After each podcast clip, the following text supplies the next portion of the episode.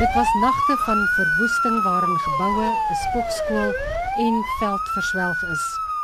Die lewensverlies van twee bejaarde mense op die plaas Langlaagte in die Thornhill omgewing ruk aan die hart. Walter en Mirna van der Riet het 27 jaar lank hier geboer. Hulle is Saterdag deur vlamme oorval en Mirna is op die plaas dood terwyl haar man die volgende dag in die hospitaal oorlede is.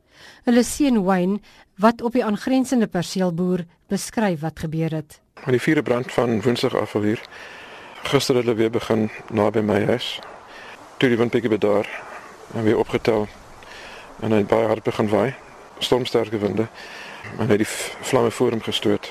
Tussen die rook en die vlamme kon ons nie deur die vlamme kom tot met ouers huis uit te kom. Maar hulle kon nie uitkom nie. Soos jy sien die vuur het soos 'n trein hier gekom. En hulle, hulle kon net nie uitkom. Die boom het oorgeval, so die paai was geblok, so hulle het eintlik kans gehad nie. Hulpeloos, ja.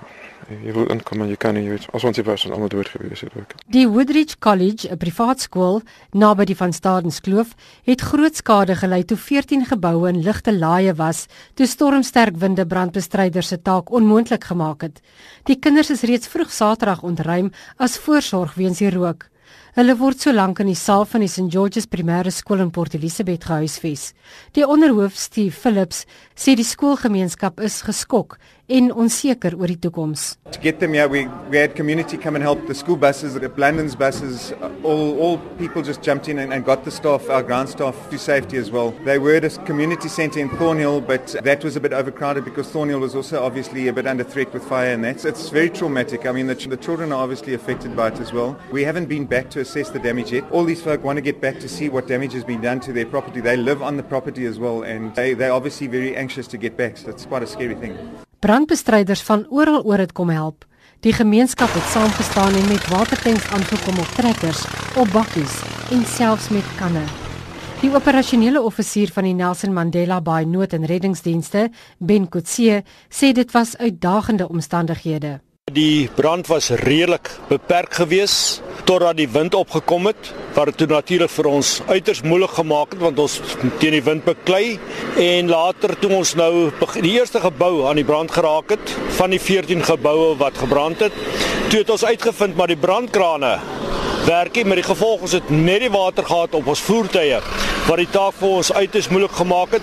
Weereens het die gemeenskap baie vir ons gehelp hulle het watertankers gebring ons het water uit die swembad uitgepomp en hulle het die swembad volgehou vir ons wat baie wonderlik was omdat dit 'n amper 'n natuurtipe area is was die geete gevul met blare en as daar 'n koeltjie opgeval het dan is die huis in gevaar gesit Vals berigte het paniek veroorsaak en die brandspanne se werk bemoeilik. Aan die publiek wat na sosiale media geluister het, het vir ons 'n redelike probleem geskep. Ek versoek die mense As jy die inligting wil hê in die korrekte inligting, gaan na erkende radiostasies, skakel in, luister daarna en jy sal die regte inligting kry. Moenie sosiale media gebruik vir jou inligtingbron nie. Een van die dapper helde van die afgelope paar dae is brandweervrou Angelique Mini, 'n ma van 2 wat kwaliek 'n oog toegemaak het. Sy beskryf die magteloosheid wanneer daar verliese en skade is, ondanks volgehoue pogings. Om te sien hoe alles voor jou net afbrand en jy kan niks daarin doen nie.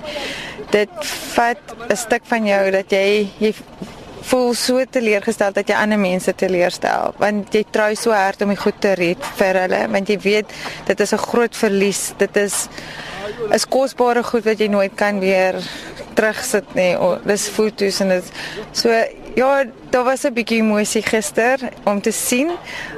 Mense kan nie altyd die emosie uitsluit nie want daar is emosie want ek is 'n ma ek is 'n vrou so ek weet hoe voel hierdie mense hier buite moet maar net afskryf, terugsit en dan net vorentoe gaan en weer die volgende taak aanpak.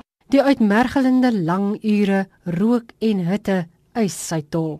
Jou oë brand die hele tyd is aan die brand. Jy kan nie eens aan die slaap raak nie want dit voel asof jou oë die hele tyd krap. Dit is asof jou longe wil oopbars van al die rook en die soet wat jy inasem die hele tyd. Want dit is nie net die rook nie, dit is daai hitte wat jy ook die hele tyd inasem. Ons is so gewoond daaraan, maar dit vat nog steeds tyd om te herstel. Kyle Fung is 'n oud leerder wat in 2005 by Woodridge College gematrikuleer het. Hy en talle ander vrywilligers het kom hand bysit. And it's yeah, a really sad, sad situation, and um, we really are all heartbroken. There's no words that can describe what the school means to us. It really is a, a family. Uh, we've come out to volunteer and try and help put the fires out and save whatever buildings we can. Uh, there's still fires, sort of small ones around the the campus that we're going to try and put out. Na 'n vlug oor die uitgebreide gebied wat gebrand het, is besluit dat die brande in bedwang is en brandspanne het deernag nog dempingswerk gedoen. Ouers, personeel en die skoolbeheerliggaam sal vandag 'n vergadering hou om planne te beraam. Die skool sal moontlik vir 'n week of twee gesluit word. Veronica Fourie in Port Elizabeth.